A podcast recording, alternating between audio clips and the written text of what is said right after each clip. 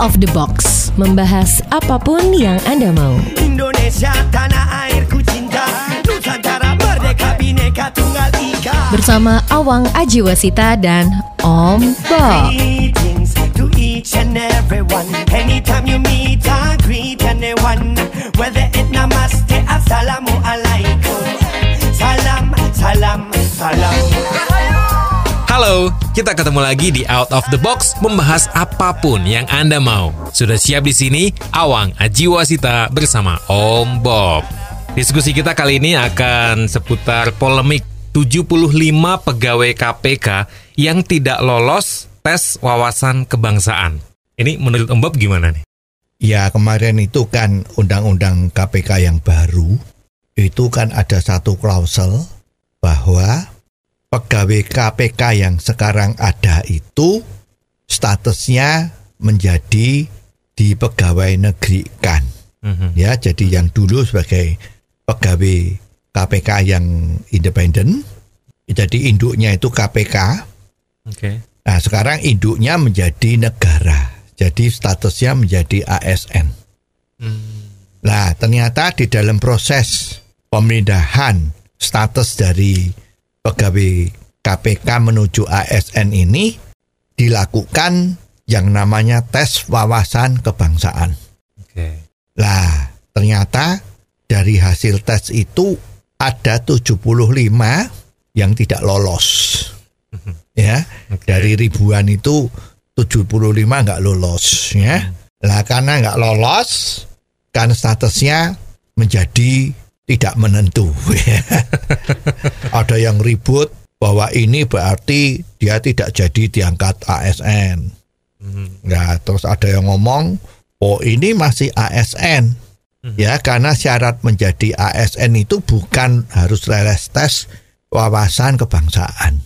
Oke. Ya, jadi ini statusnya ya sepertinya digantung diambangkan, ya. Hmm. Kemarin Presiden Jokowi telah eh, memberikan satu speech ya bahwa bagi yang tidak lolos tes wawasan kebangsaan tadi itu seharusnya adalah dibina kembali agar nanti bisa lolos tes jadi wawasan kebangsaan. Hmm. Kalau tidak lolos tes wawasan kebangsaan itu kan orang awam kan ngertinya itu mestinya mereka-mereka yang tidak lolos itu tidak mempunyai pemikiran-pemikiran yang bersifat menyatu dengan kebangsaan. Nah, kira-kira begitu kan dari, dari judulnya itu ya. Nah, itu terus bukan berarti dia harus eh, tidak menjadi pegawai negeri ya karena memang pada saat 75 orang itu jadi pegawainya KPK kan juga sudah melalui tes-tes yang demikian beratnya ya. Betul. Konon memang betul-betul berat ya baru bisa lolos menjadi pegawai KPK. Untuk bisa bekerja di KPK itu kan yang dituntut paling besar itu kan integritasnya. Betul. Ya jangan sampai eh, orang yang sudah menjadi pegawai KPK tapi mentalnya itu mental udah disuap. itu kan soal integritas. Betul, betul. Lah kalau menangani masalah-masalah korupsi ternyata yang bekerja untuk membasmi korupsi ini malah mudah disuap. Ya nanti malah lembaga KPK ini menjadi lembaga cari duit untuk oknum-oknumnya KPK tadi itu. Nah ini kan menjadi tidak cocok dengan tujuan dibentuknya KPK. Ya jadi memang tes-tes yang dilakukan itu luar biasa beratnya di samping kemampuannya untuk menganalisa masalah, juga mentalnya itu memang benar nggak, lurus atau enggak, ya. Nah, karena KPK ini sudah hampir 20 tahun, undang-undang baru itu mengharuskan pegawai KPK menjadi ASN. Nah, kemungkinan apakah standar wawasan kebangsaannya itu berbeda antara ASN sama KPK. Maka dilakukan lagi yang namanya tes wawasan kebangsaan. Itu kan? Nah, sebaliknya ini pimpinan KPK kalau ditanya sama wartawan-wartawan itu, loh, ini kan tidak ada syarat lulus tes wawasan kebangsaan baru bisa menjadi ASN. Lah itu ternyata jawabannya, lah siapa yang mengatakan dia dipecat? Dia tetap ASN. Cuman posisinya dia karena tidak lulus tes wawasan kebangsaan, maka untuk sementara mereka yang tidak lulus ini tidak bisa lagi melanjutkan pekerjaan-pekerjaan yang sedang ditangani. Jadi pekerjaan-pekerjaan yang belum selesai itu harus diserahkan kepada atasannya langsung. Nah, istilahnya yang populer kalau di kalangan-kalangan militer itu kan non job. Non job. Statusnya masih pegawai tapi non job. Tapi nggak ngapa-ngapain juga ya. Ya, masalahnya kalau non job itu bisa-bisa nggak ada mejanya. lah ini kan jadi susah ya. Biasanya orang kalau ada pekerjaan tapi harus datang absen ya. Absen pagi datang jam 7, pulang sore jam 3 atau jam 4 atau jam 5 itu ya. Itu terus di dalam ruangan atau di dalam kantornya itu nggak ada kerjaan. Luntang-luntung begitu ya siapa yang kuat ya. Apalagi 75 orang-orang yang tidak lulus tadi itu kan menurut kabar-kabarnya itu kan termasuk orang-orang yang kemarin-kemarin prestasinya tinggi di dalam menangkap koruptor-koruptor. Ya, orang-orang yang prestasinya tinggi seperti ini kan sangat dinamis. Mana bisa suruh diem? Ya, masuk kantor absen diem. Kemungkinan juga sekarang sudah nggak ada langganan koran lagi.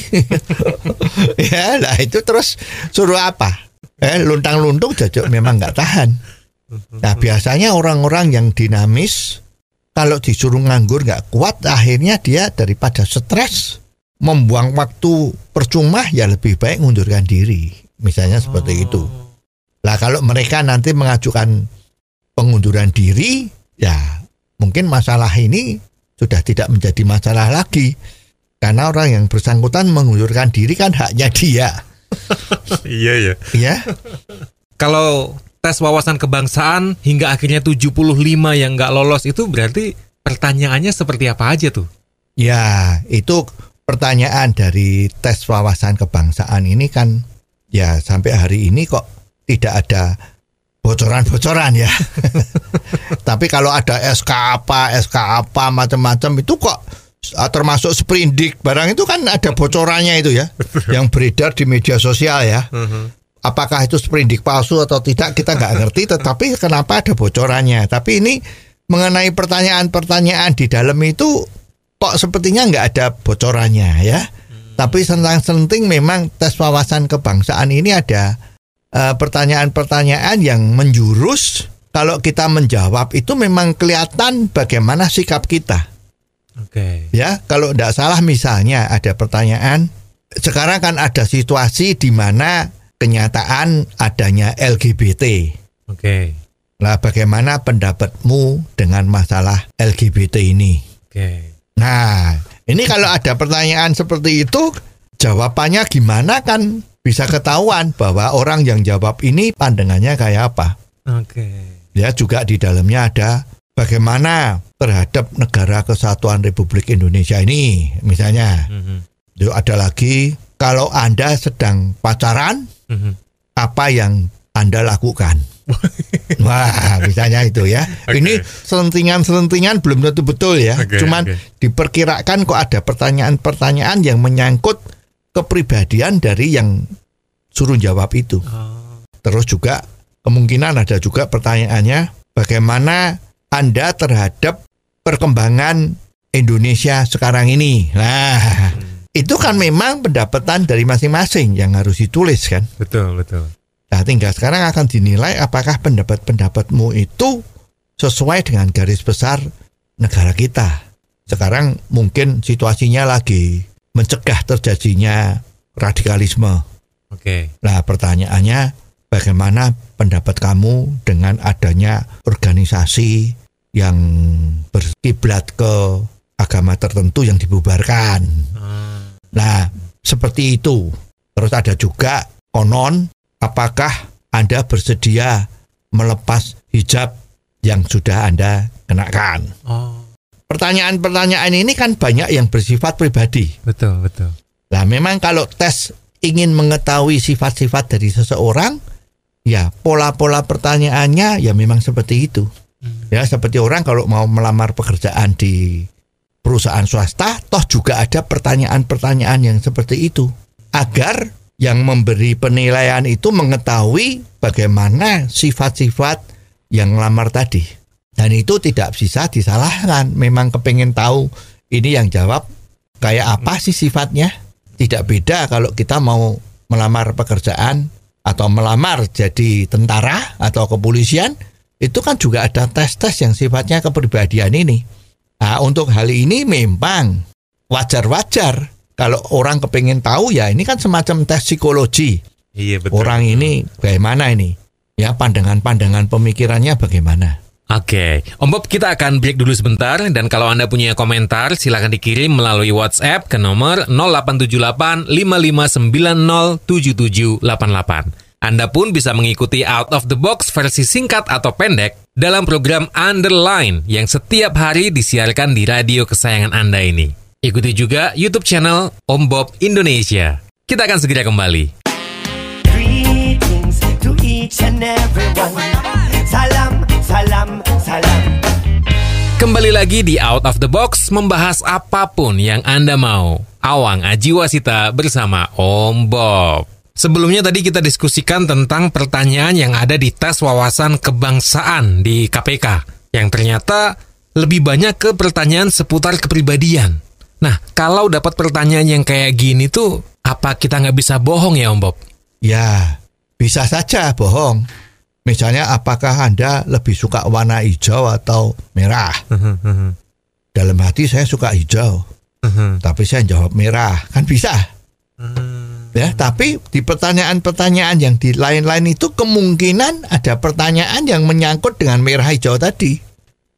Sehingga kalau kamu nggak jujur, jadi jawabnya di bawah atau di atas tadi itu ada yang kaitannya dan ketahuan kalau you nggak jujur, ya itu bisa repot. Oh ini berarti orang ini tidak jujur, Hmm. tidak konsisten. Wah istilahnya gitu kan. Jadi orang yang kepingin lulus ya mesti jawabnya biasanya jujur Oke. supaya tidak kena dengan masalah kamu tidak jujur. Kalau nggak jujur kan udah nggak bisa menangani masalah dengan benar. Nah ini memang memang dilema Iya, ya. Nah sekarang caranya penilaiannya bagaimana kan yang tahu ya dewan penilai tadi itu. Betul, betul. Ya sebetulnya intinya kan bukan di situlah ya. Intinya kan kalau tidak lulus apakah dia masih tetap jadi ASN gitu kan? Nah sekarang sepertinya masih tetap cuman down job. Itu saja. Nah, 75 pegawai KPK yang diberhentikan karena tidak lolos tes wawasan kebangsaan ini, apakah nantinya tidak mengurangi kekuatan dari KPK? Ya di sini mungkin istilahnya kalau ikut dengan KPK kan mereka 75 itu bukan diberhentikan. Statusnya masih pegawai. Oke, oke. tetapi sudah tidak menangani masalah atau kasus-kasus yang sedang ditangani. Oh, Harus dikembalikan, diserahkan kepada eh, atasan langsung. oke. Nah, kalau sekarang ini apakah KPK-nya menjadi lemah atau tidak? Mhm, Karena memang di antara 75 yang tidak lolos tes wawasan kebangsaan tadi itu memang ada yang lagi menangani kasus dan berprestasi menangkap kasus besar Mhm, termasuk menangkap menteri kelautan mhm. termasuk yang menangkap menteri sosial kita kemarin itu yang kemarin sempat eh, terungkap di pengadilan kok rasanya korupsinya tuh kurang lebih 100 triliun ya. Nah, ini kan termasuk mereka-mereka yang menangkap ini yang menangani kasus ini yang termasuk yang terpaksa harus berhenti karena tidak lolos tes wawasan kebangsaan. Nah, sekarang kalau pertanyaannya apakah dengan demikian nanti 75 orang yang tadi itu tidak menangani kasus-kasus seperti itu lagi, apakah KPK itu berarti menjadi macan ompong kan? Mhm, mhm. Tidak bisa meneruskan urusan-urusan ini. Iya, itu dia. Lah jawabannya ya ini relatif ya.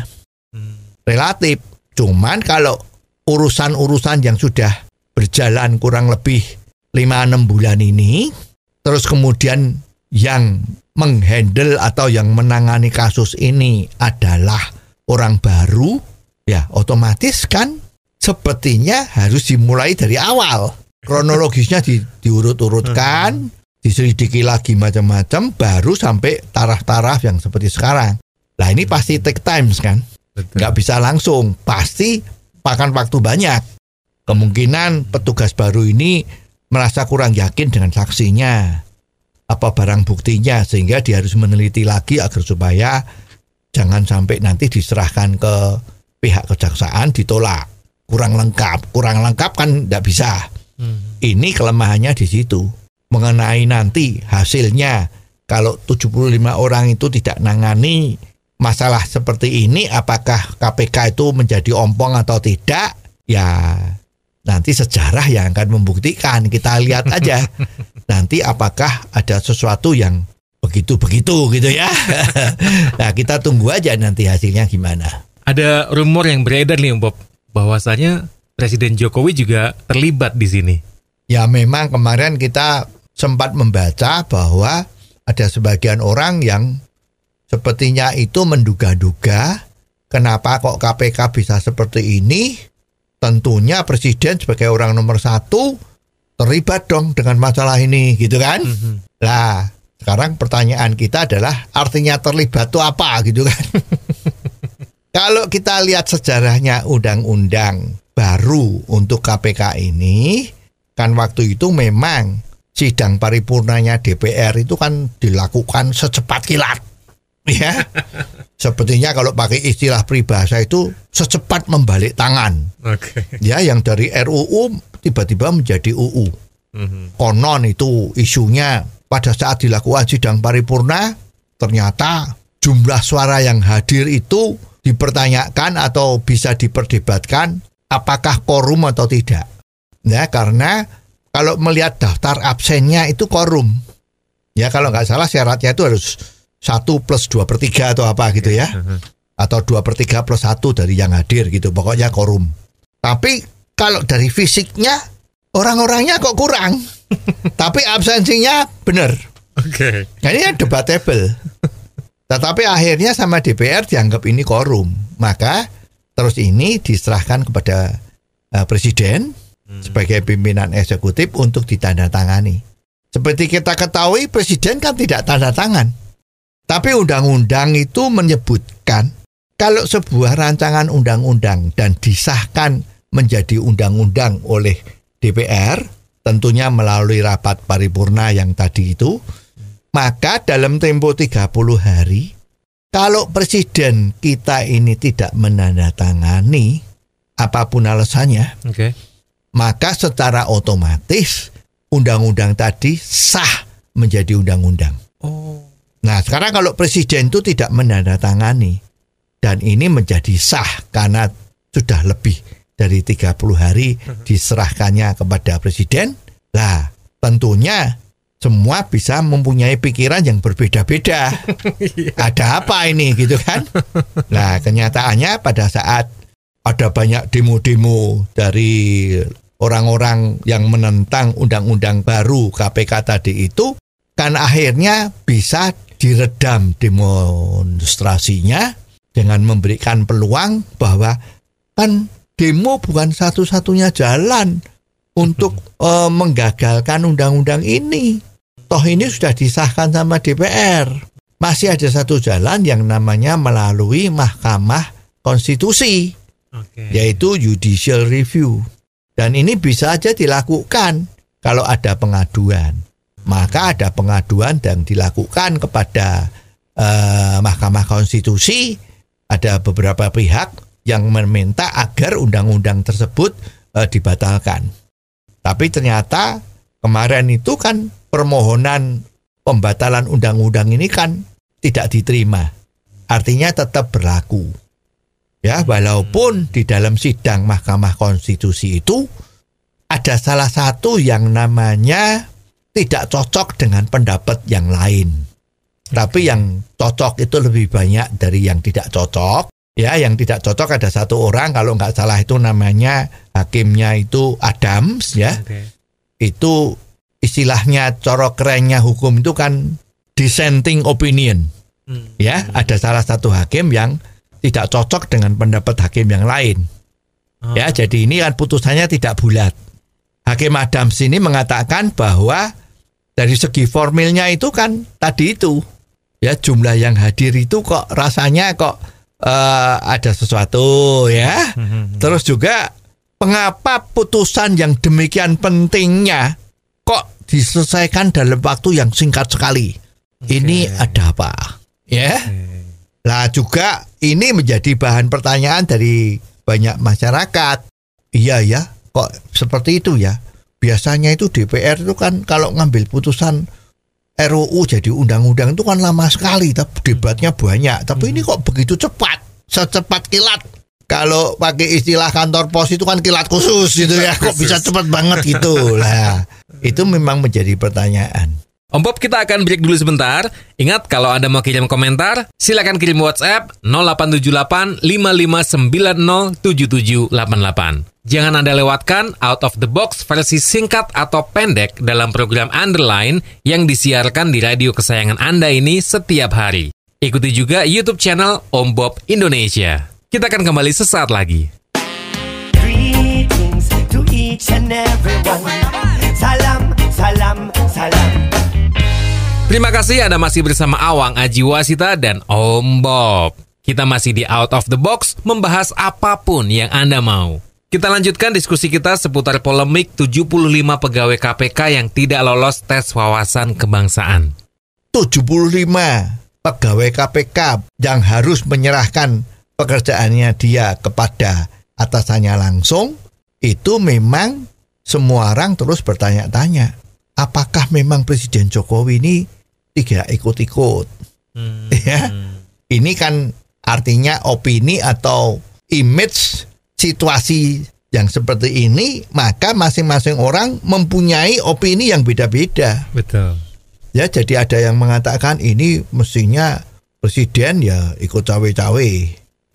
Kalau enggak masa ya pemimpin KPK itu berani melakukan sesuatu yang rasanya itu kok ada masyarakat yang menentang ya apa berani dia ngambil putusan ini.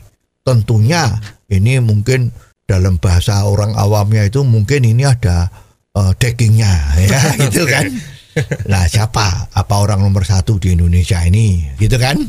Nah itu yang nggak bisa disalahkan orang kalau punya pendapat seperti itu. Tapi dengan kemarin Presiden Jokowi yang mengatakan bahwa pegawai KPK itu tidak bisa diberhentikan karena statusnya menjadi pegawai negeri atau istilahnya itu menjadi ASN ya mestinya 75 yang tidak lulus itu ya bukan dibinasakan tapi harus dibina. Nah, ini kan memberi lampu hijau kepada 75 orang tadi yang tidak lolos tes itu.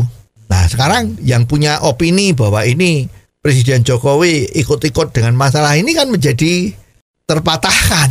Iya, iya. Yang benar yang mana ini, betul? Lah memang masalah KPK ini kan memang sesuatu yang misterius ya. Dulu waktu KPK undang-undang baru ini sedang rame di DPR, banyak lembaga-lembaga swasta ataupun yang tokoh-tokoh senior kita termasuk 61 guru besar universitas negeri di Indonesia ini itu mengatakan bahwa undang-undang KPK yang baru ini melemahkan KPK. Tetapi ada anggota-anggota yang terhormat dari DPR kita yang ngotot mengatakan bahwa ini tidak melemahkan tapi menguatkan. Ya sampai hari ini masih orang masih bingung antara menguatkan dan melemahkan ini kok nggak selesai-selesai.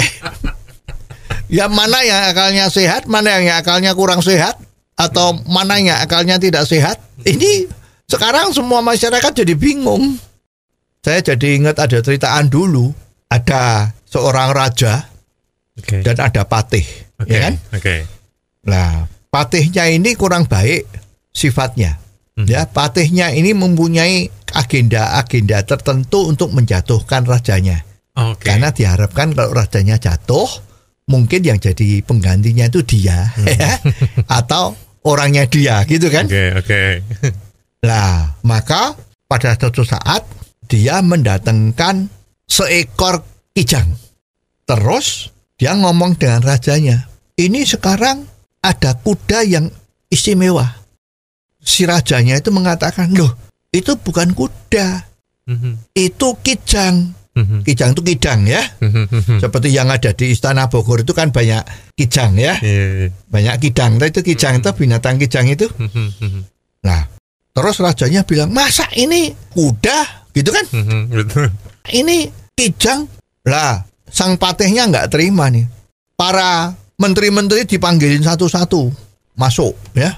Nah, ini si patih tadi ini kan terkenal sekali kalau dia kejam gitu ya. Oke. Tapi rajanya nggak tahu, dipikir dia orang baik gitu. Satu-satu menterinya dipanggil satu. Bleng, hei Pak Menteri, coba sebutin sama Baginda Raja. Ini kidang apa kuda? Jawabnya apa? Kuda. Baginda itu menteri kita salah satu mengatakan itu kuda, Udah. bukan kidang. Mhm. Baginda nyebutnya adalah kidang. Mhm. Kita coba lagi menteri yang lain. Panggil menteri yang lain. Menteri kedua. Oke. Hai menteri, sebutin. Ini kidang apa kuda? Nah, karena yang manggil patihnya ini kan takut ya. Ngomongnya apa? Itu kuda. Sampai menteri ke-11 atau ke-12 itu semua ngomongnya kuda semua. Terus panggilan itu diselesaikan, rajanya yang bingung. Loh, kok aneh ya? Ini kidang kok dikatakan kuda. Pengetahuan saya ini adalah kidang. Mhm. Mhm. Tapi kok semua orang bilang kuda. Termasuk pembantu saya yang paling saya suka ini gitu kan. Akhirnya rajanya bingung. Dia nganggap dirinya sudah menjadi gila. Akhirnya ceritanya sang baginda ini lebih baik mengundurkan diri, naik ke gunung, membaktikan dirinya sebagai pertapa. Karena dia tidak mengerti kenapa kidang kok bisa menjadi kuda. Bentuknya kidang tapi namanya kuda. Oke. Oke. Nah, ini ceritaan ini ya. Lah nggak tahu apakah ini urusan KPK itu seperti ini ya. Ya, kita mikir sendiri lah ya. Nggak usah dilebet-lebetkan orang lain, pikirlah sendiri. Ini ceritaan zaman kuno itu kan kadang-kadang itu ya ada betulnya ya seperti itu kan. Oh, kitabnya Joyoboyo, betul? Oke. Nah, itu kan juga besok yang mimpin Indonesia itu ini ini ini ini. Ya, ini kan ini ramalan-ramalan sama cerita-cerita hikayat itu ya memang sering-sering ada kaitannya. Kita lihat aja Oke, kita break dulu sebentar ya Om Bob. Sambil Awang ingatkan kalau Anda punya komentar, silakan dikirim ke nomor WhatsApp 0878 55907788. Anda pun bisa mengikuti Out of the Box versi singkat atau pendek dalam program Underline yang setiap hari disiarkan di radio kesayangan Anda ini. Ikuti juga YouTube channel Om Bob Indonesia. Kita akan kembali sesaat lagi. Greetings to each and everyone. Salam, salam, salam. Anda masih mendengarkan Out of the Box membahas apa pun yang Anda mau. Awang Ajiwasita bersama Om Bob. Kita masih mendiskusikan tentang polemik 75 pegawai KPK yang tidak lolos tes wawasan kebangsaan. Tapi sebenarnya KPK, Komisi Pemberantasan Korupsi, ini seharusnya seperti apa sih Om Bob? ya kalau sekarang kan dari sejak setahun dua tahun yang kepungkur itu kan ada satu polemik mana yang lebih penting penindakan atau pencegahan Mhm. Kalau KPK yang sesuai dengan undang-undang yang lama itu kan tindakan-tindakan itu seolah-olah mementingkan penindakan. Ya, yang namanya OTT itu terjadi hampir tiap bulan. Mhm. Dan yang kena banyak. ya.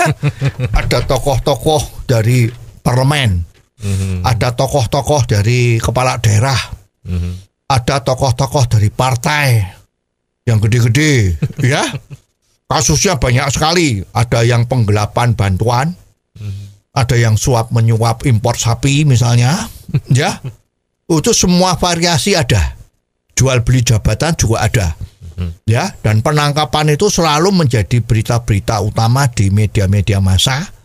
Baik media konvensional maupun media new media sosmed itu. Oke. ya lah ini kan menimbulkan banyak sekali ketakutan-ketakutan dari para koruptor ya, atau calon koruptor ya. Calon koruptor. Lah juga waktu itu orang yang disidang itu kalau naik banding, ingat bahwa dulu yang ada di Mahkamah Agung itu salah satu ada hakim yang dihormati oleh seluruh masyarakat Indonesia yang sekarang sudah meninggalkan kita yaitu almarhum Hakim Artijo. Itu semua ditakutin.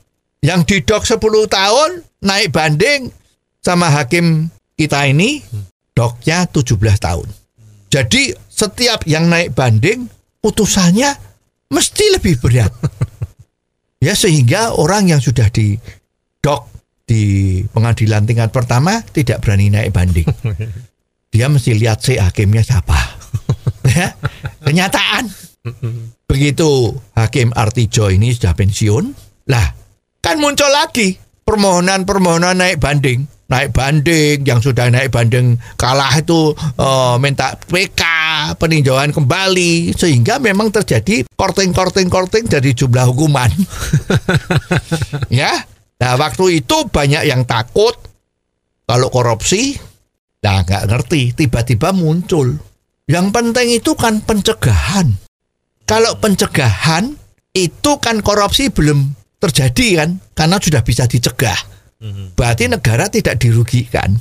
Hmm. Tapi kalau penindakan itu kan duitnya sudah dikorupsi. Oke, oke. Nah, negara menangkap koruptor tapi rugi karena uangnya nggak kembali. karena undang-undang soal penyitaan harta kekayaan dari koruptor itu kan belum ada. Jadi putusannya hakim itu kan masih dianggap dia itu dipercayakan subjektivitas dari masing-masing hakim menjadi objektif. Ya, jadi sangat tergantung dari subjektivitasnya hakim. Jadi kan negara ruginya pakai rupiah atau US dollar itu rugi, orangnya ditangkap tapi negara rugi. Lebih baik pencegahan. Kalau pencegahan kan uangnya belum dikorupsi. Jadi otomatis yang baik adalah pencegahan. Nah ini juga rame. Polemiknya mana yang lebih penting, pencegahan atau penindakan? Nah itu ya seperti cerita tadi itu. ini kijang apa? Kuda. Kuda. Orang jadi bingung. Iya, pencegahan itu baik. Tapi kalau pencegahannya baik, saya tidak akan korupsi. Sumpah jabatan, betul? Tidak mementingkan kepentingan pribadi, ya. Tapi dia korupsi.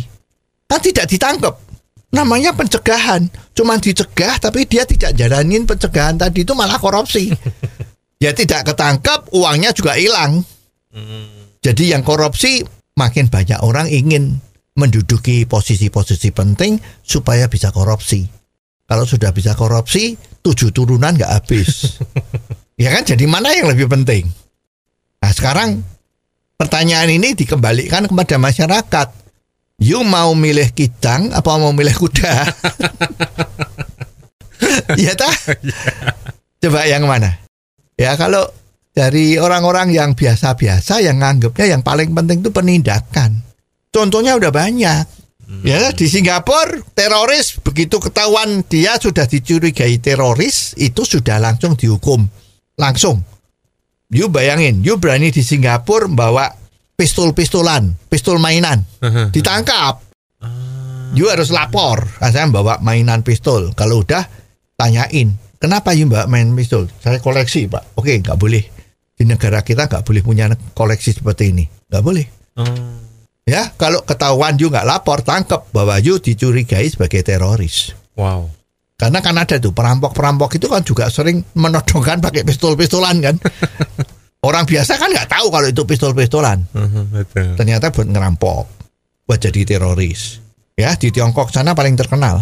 Ya kemarin kalau melihat ada yang viral itu koruptor-koruptor kalau dihukum mati dilaksanakan dengan penuh kesadaran.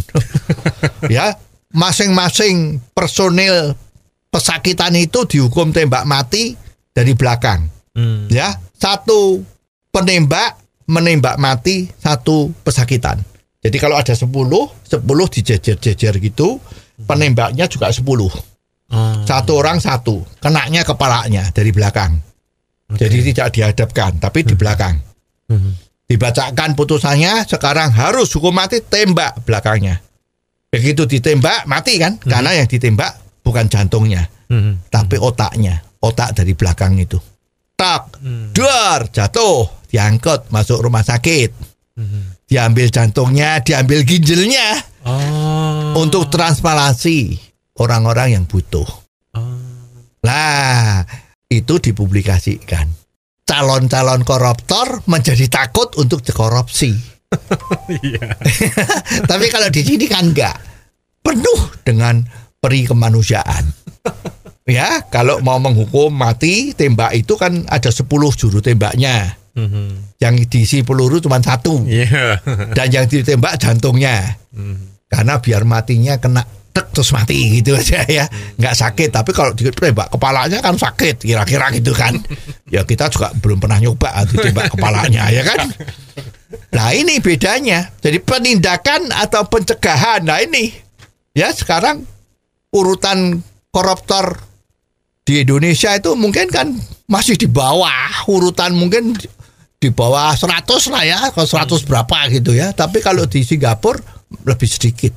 Di Tiongkok juga lebih sedikit. Ya jadi inilah yang harusnya menjadi pemikiran-pemikiran. Dan ini dibutuhkan political will. Ya jadi jangan sampai ada pejabat kita yang mempunyai kepentingan pribadi dengan masalah hukum ini. Ya kalau sepanjang masih ada konflik of interest antara pejabat dan lembaga-lembaga yang menangani ini ya urusan korupsi ini ya nggak akan selesai-selesai. ya kapan kita mau mengejar negara yang lain kalau ini aja nggak bisa selesai. Ya jadi memang di sini diperlukan satu ketegasan antara keseimbangan, ketertiban dan hak asasi manusia. Kalau kita berat kepada hak asasi manusia, maka ya yang bukan berbau hak asasi manusia akan menjadi kalah. Ya, hukuman dikasih remisi, hukuman di dalam penjara boleh pasang AC, boleh punya salon rambut, ya boleh jalan-jalan, ya makan di restoran enak, misalnya gitu ya. Ini ham kan? Kasihan dia manusia kan punya hak untuk makan enak, Ah, misalnya begitu ya. Ya jadinya seperti ini. Begitu aja kok repot kan? Oke, dan sampai di sini episode kita kali ini. Kalau Anda punya komentar tentang apa pun juga, silakan dikirim melalui WhatsApp ke nomor 0878 5590 7788. Anda pun bisa mengikuti Out of the Box versi singkat atau pendek dalam program Underline yang disiarkan setiap hari di radio kesayangan Anda ini. Ikuti juga YouTube channel Om Bob Indonesia. Sampai ketemu di episode selanjutnya, Awang Ajiwasita bersama Om Bob. Tentunya di Out of the Box membahas apa pun yang Anda mau. Out of the box. Membahas apa pun yang Anda mau.